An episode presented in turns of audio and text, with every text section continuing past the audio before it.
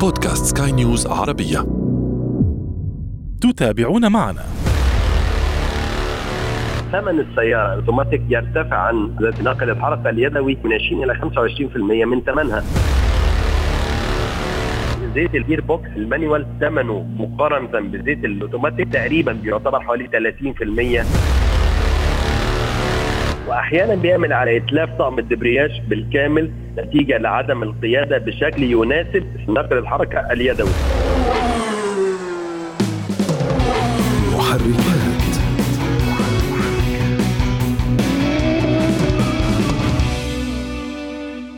أهلا بكم مستمعينا في محركات برنامج البودكاست الذي يهم كل من يقود أي نوع من المركبات أو حتى يجلس فيها، نحن هنا نهتم بتقوية ثقافة المركبات لديكم وفي كل حلقة نفتح أحد الملفات ولا نغلقه قبل أن نصل إلى نتيجة وتوصيات. أعده وأقدمه لكم أنا أشرف فارس عبر أثير سكاي نيوز عربية. يقولون إن أي شخص يستطيع أن يقود مركبة بناقل حركة أوتوماتيكي، ليس هناك شيء من الحرفية فيها، ضع العصا على حرف الدي وانطلق، لكن وحده السائق الحقيقي من يستطيع السيطرة على ناقل الحركة اليدوي، والذي رغم أنه يشكل عبئا اضافيا على السائق إلا أنه ما زال مرغوبا ويتم تصنيعه في أحدث الموديلات ومن أكبر شركات السيارات. لولا أن ناقل الحركة اليدوي مرغوب ما كان ليبقى موجودا في الأسواق حتى الآن، لا بل تفضله الكثير من المجتمعات المجتمعات حيث يتميز ناقل الحركة اليدوي بطبيعة تحكمه وأدائه الأفضل إلى جانب تجربة القيادة الأكثر تميزا عن نظيره الأوتوماتيكي. فكما يقول البعض من يقود مركبة بناقل حركة يدوي هو فعلا أحد محبي السيارات الحقيقيين. خبراء الصيانة يؤكدون أيضا أن هناك بعض الأخطاء الشائعة في استخدام الناقل اليدوي والتي يمكن أن تؤدي إلى تدميره تدريجيا وكذلك يمكن أن تؤذي المحرك. بالتالي إضافة لكونه يعطي شعورا بالقيادة الرياضية لكن من الناحية الفنية نتعرف في هذه الحلقة على ميزاته والمحاذير في التعامل معه.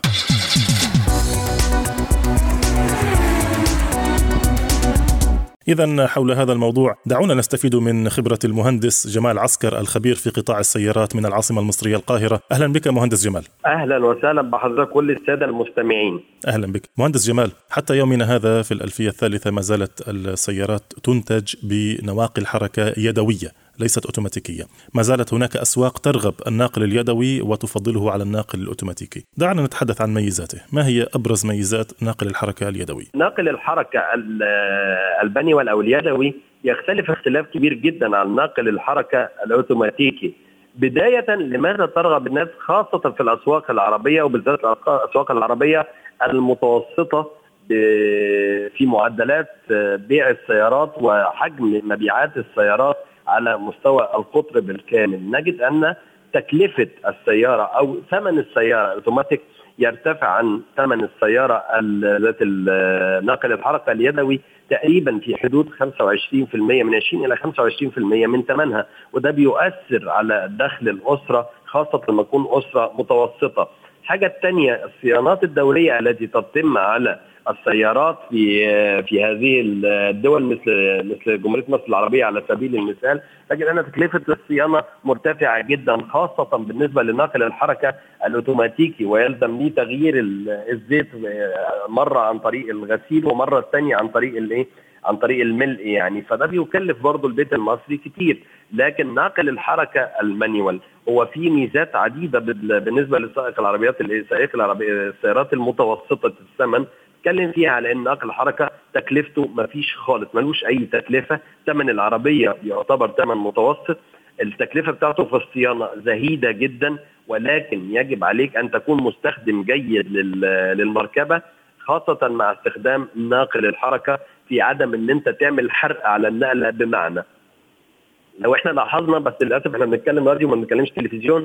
لو لو لاحظنا ال characteristic curve أو ال curve المميز الرسم البياني المميز لل- للناقل الحركه ال- ال manual أو اليدوي. هتجد إن كل سرعة ليها نقلة. يعني النقلة بتيجي بعد سرعة معينة السرعه الاولى الثانية الثالثه لغاية لما توصل لخمس نقلات على سبيل المثال. فحضرتك نجد إن عندنا في بعض الدول الخليج بالذات لما الناس بتحرق على بتحرق على العربيات أو بتعمل ما يسمى بالتفحيط ب- بيفحط بالعربية في بالظبط تفحيط ده. فده بيعمل إيه؟ ده أول حاجة بيبهدل ال tires أو الكاوتش بتاع الاطارات بتاعت السيارة. نمرة اثنين بيخش على ال clutch clutch disc ال pressure plate على ال على اللي هو الكلاتش أو الدبرياج. بيحرقه بيخلص عليه. الحاجة الثانية هنا بيحصل مشكلة عندك في رمانات البلي الداخلية لنقل الحركة. اليدوي. فطبعا دي بتبقى مشكلة كبيرة جدا وبنجد هنا إن في بعض السيارات الجديدة تجد أن قائد السيارات خاصة في منطقة الخليج يشتكي إن عنده عيوب معينة في ال gearbox أو عيوب معينة في سحب العربية على الطريق في ال power أو في ال torque العزم على الطريق. فتجد إن عندك ال tires أو الإطارات خلاص يعني حالتها بقت متردية والعربية لسه ماشية 10 15 ألف كيلو. فتجد إن أنت إيه العربية دي بتعمل إيه؟ بتعمل تفحيط. ده بيعمل إيه؟ بيعمل مشاكل كتيرة جدا خاصة في الزيت بتاع الإيه؟ بتاع ال gearbox بتاع فتيس الإيه؟ بتاع نقل الحركة اليدوي. فبتبقى عنده هنا مشكلة كبيرة جدا. ده إحنا بنقول إيه؟ اتبعوا خطوات الصيانة الدورية للسيارات.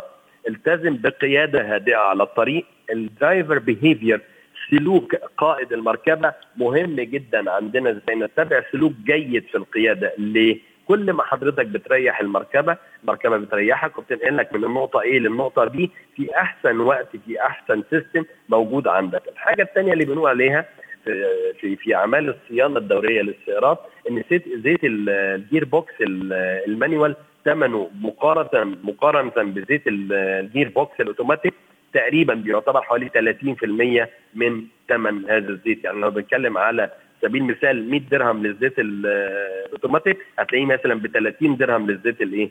لماذا؟ ما سبب هذا الفارق في ما سبب هذا الفارق في سعر الزيت؟ الفرق هنا الفرق هنا في المكونات نفسها. الفتيس ال gearbox اليدوي بيتكون من مجموعة فقط من التروس ورمانات البلي فقط مع تزييت جيد للايه للمجموعة ديت والتزامن اللي بيحصل بيها أو ال synchronization لكن لو دخلنا على ال gearbox الأوتوماتيك تجد أن اجزاؤه متعددة ومتشعبة وكلاتشات حديد وكلاتشات fiber وأنواع زيوت مختلفة تناسب أجواء مختلفة واللزوجة بتاعته ليها مميزات معينة عشان تقدر تشتغل هنا. عندك valve ال valve ال valve head اللي هو المخ المخ مخ الجير الأوتوماتيك. ده ثمن بالظبط ثمنه غالي جدا. مساراته كلها ضيقة جدا. ناعمة جدا فلو حصلت أي مشكلة عندك في الزيوت تبدأ تعمل scratch وتجرح في الصبابات اللي موجودة جوه في مخ الفتيس ده ال valve body ده. ال valve body ده في مجموعة من ال solenoid valve اللي هي إيه؟ المفاتيح الأوتوماتيكية أو الكهربية اللي بتشتغل كلها عن طريق إشارات تفتح وتقفل. لكن في وجود زيت سيء أو زيت رديء نجد إنه بيعمل مشاكل كبيرة جدا. لما نيجي نعمل عمرة gearbox لما نعمل overhaul ل gearbox يدوي ونيجي نعمل عمرة أو overhaul ل gearbox أوتوماتيك. نجد نجد إن التكلفة هنا لا تقارن بال لما تيجي تقارن ما بين الاثنين بالأوتوماتيك لا تقارن. ال gearbox اليدوي لا شيء بالنسبة للفتيس الأوتوماتيك. الحاجة الثانية لو عندك أنت مشكلة معينة مثلا في دورة التبريد في في المحرك بتاعك في العربية بتاعتك تلاقي دي بتأثر على إيه؟ بتأثر على الكولر اللي هو بيبدأ يبرد الزيت بتاع ال gearbox الأوتوماتيك اللي في العربية. يبقى عندي مشكلة ثانية إضافية. لو حصل عندي مشكلة في دورة التبريد تؤثر على ال oil cooler أو مبرد الزيت بتاع ال gearbox اللي موجود في العربية عندك. يعني يعمل لك بدل المشكلة تعمل لك مشكلتين أو ثلاثة. وتكلفة عالية جدا. ال gearbox ال manual لما نيجي نعمله overhaul بنعمل له تقريبا العمرة بتاعته. ما فيش خمس ست ساعات بنعمل العمرة. عشان نعمل عمرة ل gearbox اوتوماتيك لا إحنا بناخد فيها حوالي ثلاث أربع أيام عشان نعمل العمرة دي ونجهز الأجزاء وناخد القياسات وناخد حاجات كتيرة جدا عشان نبدأ نشتغل عليها. عامة لما بيحصل إن في عندي رايش أو عندي material مش كويس بيخش ال gearbox الاوتوماتيك بيعمل لي مشاكل عديدة وأحيانا بعض ال solenoid valve أو أو السويتشات اللي هي الكهرباء دي بتتعطل وبتبوظ ودي بتعمل لنا مشكلة كبيرة. أحيانا نقول لأ عايزين نغير ال valve body بالكامل. تغيير ال valve body بالكامل ثمنه عالي جدا وده بيؤثر على ميزانية أو على دخل الأسرة اللي بتبقى عندها العربية. الأوتوماتيك. طيب. كل دي فروقات ما بين ده وده. طيب. بالنسبة لسيئاته للجير اليدوي هناك من يقول بأن الجير اليدوي يعني يمكن أنا أن أخربه بيدي بالخطأ تمام؟ وهناك من يقول طبعا إضافة لكون الجير اليدوي أو الناقل الحركة اليدوي آه، يعني ليس عمليا في المناطق المزدحمة. أجمل بشكل عام ما هي أبرز مشاكل أو سيئات الجير اليدوي؟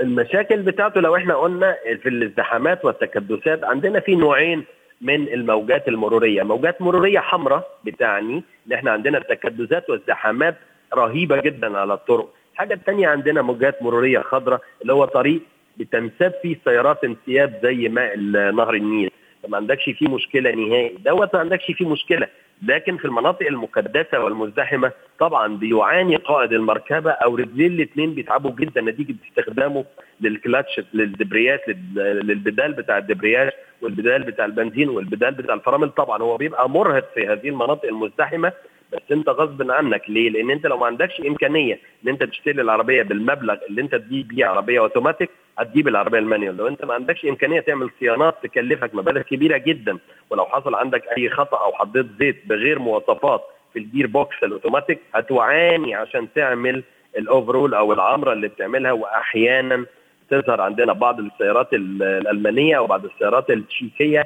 حصل كتير قوي في مصر والعالم العربي وفي كل دول العالم إن كان عندهم fatal mistake يعني عندهم عيب موجود في كل في كل في كل الدول في ال gearbox مثلا الأوتوماتيك ده كان بيركب ال gearbox ده وما يشتغلش أو يشتغل خمس ست أيام ويتشال ويترمي ويجي واحد بداله إلى أن اشتغلت عليه ما يعرف بال R and D research وال development أقسام البحث والتطوير لتطوير ما هو ظاهر من مشاكل نتيجة هي المشاكل دي بتيجي إزاي؟ أو لما المشاكل دي بتيجي كل وكيل من الوكلاء على مستوى العالم بيعمل warranty claim بيعمل استرجاع استرجاع للمركبات حسب الضمان. طيب. لا بيعمل job للعربية إن فيها مشكلة معينة في الجير. تبدأ هذه السيارات تتجمع بعدد مشاكلها وتروح على إدارة الضمان للشركة الأم في الدولة المصنعة. من كل دولة تبعت لهم هذا الكلام فيعرفوا إن هم عندهم مشكلة. fatal mistake موجودة في كل في كل ال gearbox خط الإنتاج بالكامل. يبدأوا يشتغلوا عليه الأبحاث والتطوير عشان يطوروه طيب. إحنا بنتكلم على مشكلتك في المناطق المزدحمة. آه طبعا دي فيها مشكلة إن أنت بس رجلك بتوجعك. لكن ال gearbox ال manual لا طبعا هو ممتاز. ليه؟ لأن ال torque بتاعه أو العزم بتاعه أقوى جدا من من ال gearbox سأعود معك. سأعود معك لنقطة نعم. الأداء تحديدا. لكن خلينا في في موضوع كيفية إتلاف ال gear. أنا كان عندي نقطة آه، التي يسلط عليها الضوء بعض الناس يقول بأن ال gear اليدوي أنا ماني أتحكم به فأنا يمكن أن يعني أنا أعطى الخيار بأنني أتلفه بيدي عكس ال gear ال automatic. لا أعطى الخيار فقط ركب وسوق. في ال gear اليدوي على سبيل المثال لو واحد في الزحمه وزهقان ومش حاب يغير آه، clutch و gear كل شوي بتركها على ال gear الأول طول الطريق صح؟ تمام. ده بيعمل إيه يا فندم؟ ده بيتلف طقم الدبرياج بيبوظ الطقم بتاع الدبرياج بالكامل. ليه؟ لأنه ما بيديش السرعة ما بيديش إحنا عندنا ال curve المميز أو الرسم البياني المميز. يقول لك على السرعة كذا استخدم النقلة الأولى لغاية السرعة كذا انقل النقلة الثانية لغاية السرعة كذا انقل النقلة الثالثة وهكذا. تمام. لو أنا مشيت بهذه لو أنا مشيت بهذه السرعة في طريق مفتوح قدامي ومشيت على السرعة الأولى وعايز أدوس بنزين إيه اللي هيحصل؟ هتبدأ تدمر طقم الدبرياج هتاخد ال pressure plate تدمره ال friction disc هتدمره. طبعا لأنه بإيديك. لا لا ليس بس تماما هذا ما أود الوصول إليه. طيب آه، الفرق لا. في الأداء. هل فعلا الجير اليدوي أو ناقل الحركة اليدوي يعطيني أداء أفضل من ناقل الحركة الأوتوماتيكي بغض النظر عن عدد النقلات؟ والله يا فندم أنا بشوف إن ناقل الحركة المانيوال يعني فوق الممتاز. ليه؟ بيديني السرعات اللي أنا عايزها. على الطريق بشكل كويس جدا. تكلفته تكاد تكون منعدمة. تكلفته ما يعتبر ملوش أي تكلفة. وأنا النهارده لما أجي أتكلم على السيارات الكهربائية والسيارات البنزين والديزل إيه, إيه الفرق اللي عندي؟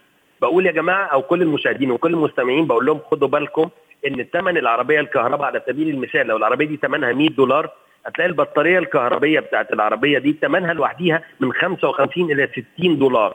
يبقى ثمن العربية كله بالكامل 40 دولار وثمن البطاريه لوحدها 60 فخد بالك إن أنت عندك ضمان البطارية من 7 إلى 8 سنين بعض الشركات بتشتغل من 8 ل 10 سنين. يبقى أنت عارف إن أنت هتغير نص ثمن العربية بعد 10 سنوات تبقى عامل حسابك في كده. أنت أكيد هذا هذا في السيارات ال hybrid طبعا. بالسيارات الكهربية. نعم. السيارات ال hybrid ال hybrid لا. نحن نتحدث عن سيارات كهربية. السيارات ال hybrid لا غير مختلفة. لكن السيارات الكهربية هي اللي لها البطارية بتاعتها. ثمنها يتجاوز ال 55 إلى 60% من ثمن الإيه؟ المركبة. نعم. فهنا نتحدث عن الفتيس اليدوي. هو فتيس رائع في استخدامه خاصة لمستخدمي السيارات في ال uphill أو المناطق اللي هي المرتفعة وكلها فيها جبال تصاعديه للأعلى. ده بيلاحظ إن ال gearbox ال manual بيبقى استخدامه أروع عن ال gearbox ال automatic. خدت بال حضرتك؟ فدي ميزة كبيرة للفتيس ال manual. تكلفته بنقول ثمنه قليل تكلفة صيانته قليلة جدا تكاد تكون منعدمة يعني مش مش موجودة بخلاف ال gearbox ال automatic. أنا ممكن أخرب ال gear إزاي؟ أنا ممكن أخرب ال gear إن أنا وأنا ماشي على سرعة الطريق ممكن وأنا ماشي على السرعة الخامسة أدوس على بدال الدبرياج وأجيب مارش دير أجيب reverse لورا وأقوم حاطط طول لورا يقوم الفتيس كله يتدمر يبقى أنا عايز أتلفه إزاي؟ إزاي هي تبقى عربيتي وأنا أتلفها بهذا الشكل؟ إحنا اتكلمنا في الأول نقطة مهمة جدا في قيادة السيارات ألا وهي ال driver behavior أخلاقيات القيادة على طرق القيادة فن وذوق يعني تماما هذا ما نود الوصول إليه. كيف يمكن للشخص أن يتلف ناقل الحركة بيده؟ بعض الناس يضعون يدهم يتكئون على ناقل الحركة طول الطريق. هل هذا فعلا يؤثر على أداء ناقل الحركة اليدوي؟ كيف كيف يعني إزاي؟ هو بيبقى حاطط إيده فقط لا غير لا بيدوس ولا بيزق ايده بس محطوطة عليه لكن ما بيعملش فيه أي شيء خالص. يعني يضع نوع من الضغط نهائي. الخفيف على على الجير بما أنه يتكي عليه. لا يضغط. لا لا لا لا لا, لا في في خلال 31 سنة أعمل في مراكز الخدمة المعتمدة في مصر والإمارات والسعودية وقطر والبحرين. لم أجد مثل هذه التصرفات. فقط هو يضع يده لكن لا يضغط ولا يعمل ما شفتها في حياتي. تمام. طيب ماذا عن الأخطاء الأخرى؟ بعض الناس يعني من العجلة آه، يحول قدمه عن الكلتش سريعا يعني لا يضغط ضغطة الكلتش كاملة لا يقوم بالموازنة عدم الصحيحة. عدم عدم الضغط على الدبرياج بشكل واضح أحيانا لا يؤدي إلى نقل النقلة من الأولى للثانية أو من الثانية للثالثه أو من الثالثة للرابعة. واحيانا بيعمل على إيه؟ على إتلاف طقم الدبرياج بالكامل نتيجة لعدم القيادة بشكل إيه؟ بشكل يناسب استخدام هذا نقل الحركة اليدوي. لازم بنقول إن السواقة أو القيادة هي في الأول فن. لازم أبقى عارف إن أنا برفع رجلي بالكامل جرادوال يعني الدبرياج عشان النقلة تاخد حقها. أول ما نوصل للسرعة بالسمع بالودن أبدأ أنقل النقلة الثانية الثالثه الرابعة and so طيب جميل. بما أنك فتحت موضوع منذ قليل القيادة في المناطق الجبلية هنا في الخليج يحبون القيادة الصحراوية تحديدا ويفضلون ناقل الحركة اليدوي لأجل القيادة الصحراوية. البعض لديهم رأي يقول لك يا أخي في النهاية أنا أحصل على نفس الأداء من ناقل الحركة الأوتوماتيكي. هناك رأيان هنا. أعطيني رأيك. والله أنا في رأيي أنا وأنا عملت في الخليج أكثر من 12 سنة بقول إن إحنا عندنا القيادة بال gearbox اليدوي. في الخليج بالذات والمناطق الوعرة لا بيكون جميل جدا واستخدامه بيبقى جميل جدا خاصة لما بنشتغل على ال four wheel drive وال two wheel drive أحيانا عندي عربية full drive طول الوقت موجود عندي أربع عجلات بيشتغلوا مع بعضهم عن طريق computer system معين بيبدأ يحرك لي الأربع عجلات على حسب الحمل اللي موجود على حسب معامل التلامس ال coefficient of اللي موجود ما بين الطريق وما بين الإطار. كل ده محسوب والدنيا بتشتغل تبقى زي الفل على ال gearbox ال automatic في هذه المناطق. لكن ال gearbox ال automatic مطلوب انت في الطرق اللي هي الايه؟ المفتوحة. يعني كنا بنشتغل مثلا إيه؟ ناخد جدة، الرياض مثلا حوالي 1000 كيلو ولا حاجة. تاخد 1000 كيلو في ال gearbox automatic طبعا بترتاح جدا أكثر ما تشتغل على الحاجة الثانية أنت عارف إن كل دول العالم النهارده تشتغل على ما يسمى ال cruise control أو مثبت السرعة. أنا بشتغل على مثبت السرعة وأسيب العربية تشتغل مع نفسها لغاية زي القياده الآلية بتاعت الطيارة. فده بيشتغل ال manual بيبقى جميل جدا في المناطق الإيه؟ المناطق الوعره والمناطق الصعبة لكن ال gearbox automatic على طرق ال highway المفتوحة. على سبيل المثال زي ما قلنا مثلا الرياض جدة هتلاقي الطريق ماشي كويس جدا أو الشيخ زي طريق الشيخ زايد مثلا هتلاقي الطريق مفتوح جدا وتركب العربية وأنت إيه؟ في غاية الإيه؟ الراحة. فكل على حسب استعماله وكل على حسب رغباته في القيادة. بالمناسبة هو بالحديث عن الكروز كنترول أو مثبت السرعة آه، بعض الشركات الحديثة أصبحت تزود حتى السيارات بناقل حركة يدوي تزودها بمثبت سرعة أليس كذلك؟ لا أحيانا بتوجد بس لا ده بالغالب الاعم يعني بيبقى في السيارات الإيه؟ السيارات الأوتوماتيك لأن دي اللي بتحافظ على هذه الميزة في السيارة لأن أنت لما بتعمل تاتش بس لدواسه الفرامل أو البدال بتاع الفرامل بينتهي عمل ال cruise control وتبدأ أنت تتحكم في السرعة بتاعتك manual عن طريق السرعات بتاعتك عن طريق الدوس على القدم في ال gearbox ال automatic طيب آه، نهاية موضوع تعدد النقلات تعدد نقلات ناقل تعدد التروس بالأحرى تعدد التروس في ناقل الحركة نعم. اليدوي آه، هل هناك نعم. فرق حقيقي في الأداء إذا كان ناقل الحركه اليدوي خمس أو ست تروس أم أنه يعني بأربع تروس سوف ياتي يأتي بنفس النتيجة؟ لا يا فندم إزاي هي لو لو, لو بتدي نفس النتيجة كنا حطينا ترسين فقط ما كناش هنحط 15 ترس طبعا. لا هو التروس هناك ما أنا, أنا أتكلم خلافا لموضوع الراحة بالقيادة. أنا أتكلم عن الأداء. نعم نعم نعم. هناك هناك ما يعرف بال reduction ratio اللي هي نسب التخفيض الموجودة ما بين التروس وهي اللي بتشتغل على مدى السرعة اللي حضرتك بتتحرك فيه من السرعة صفر إلى السرعة للنقلة واحد من السرعة اللي هي بتاعت النقلة واحد إلى النقلة اثنين ثلاثة أربعة خمسة ستة على حسب ما حضرتك الشركة المصنعة عاملة ال gear box تبدأ نسب التخفيض ما بين التروس اللي بي اللي بيدور واللي بيتدور. أو القائد والمنقاد ويبدأ يطلع لي السرعة بتاعتي. فكلما زادت التروس كل ما كان بيدي راحة كبيرة جدا في الاستخدام ما بيعملش ما بيأثرش نهائي على على الكلاتش أو ال clutch disc أو ال pressure plate اللي موجود في طقم الدبرياج. فكل ما زدنا بالسرعة كل ما كل ما ازداد عدد التروس كل ما كانت هناك راحة كاملة جدا لقائد المركبة وبيحس بالنعومة دي على الطريق. طبعا من ناحية النعومه الخالص سموث يعني ال driver بيحس إن القيادة عنده سموث خالص طبعا في إيه؟ في نقل الحركة الأوتوماتيكي مفيش خلاف لكن قلنا ده ليه تكلفته عالية جدا ودوت تكلفته تكاد تكون منعدمة. فكل واحد على حسب ما يقدر إيه؟ يتحمل مصاريف ال running cost أو الصيانة الدورية التي تتم على ال gear box الخاص بسيارته نعم. نعم. أنا أشكرك جزيل الشكر على هذه المعلومات الوافية والكافية. يعني كفيت ووفيت. أشكرك مرة أخرى. كنت معنا من العاصمة المصرية القاهرة المهندس جمال عسكر الخبير في قطاع السيارات. شكرا لك. شكرا جزيلا لحضرتك وكل السادة المستمعين أسعد وأنا معكم على أثير راديو سكاي نيوز عربية. ألف ألف شكر لك. محركات.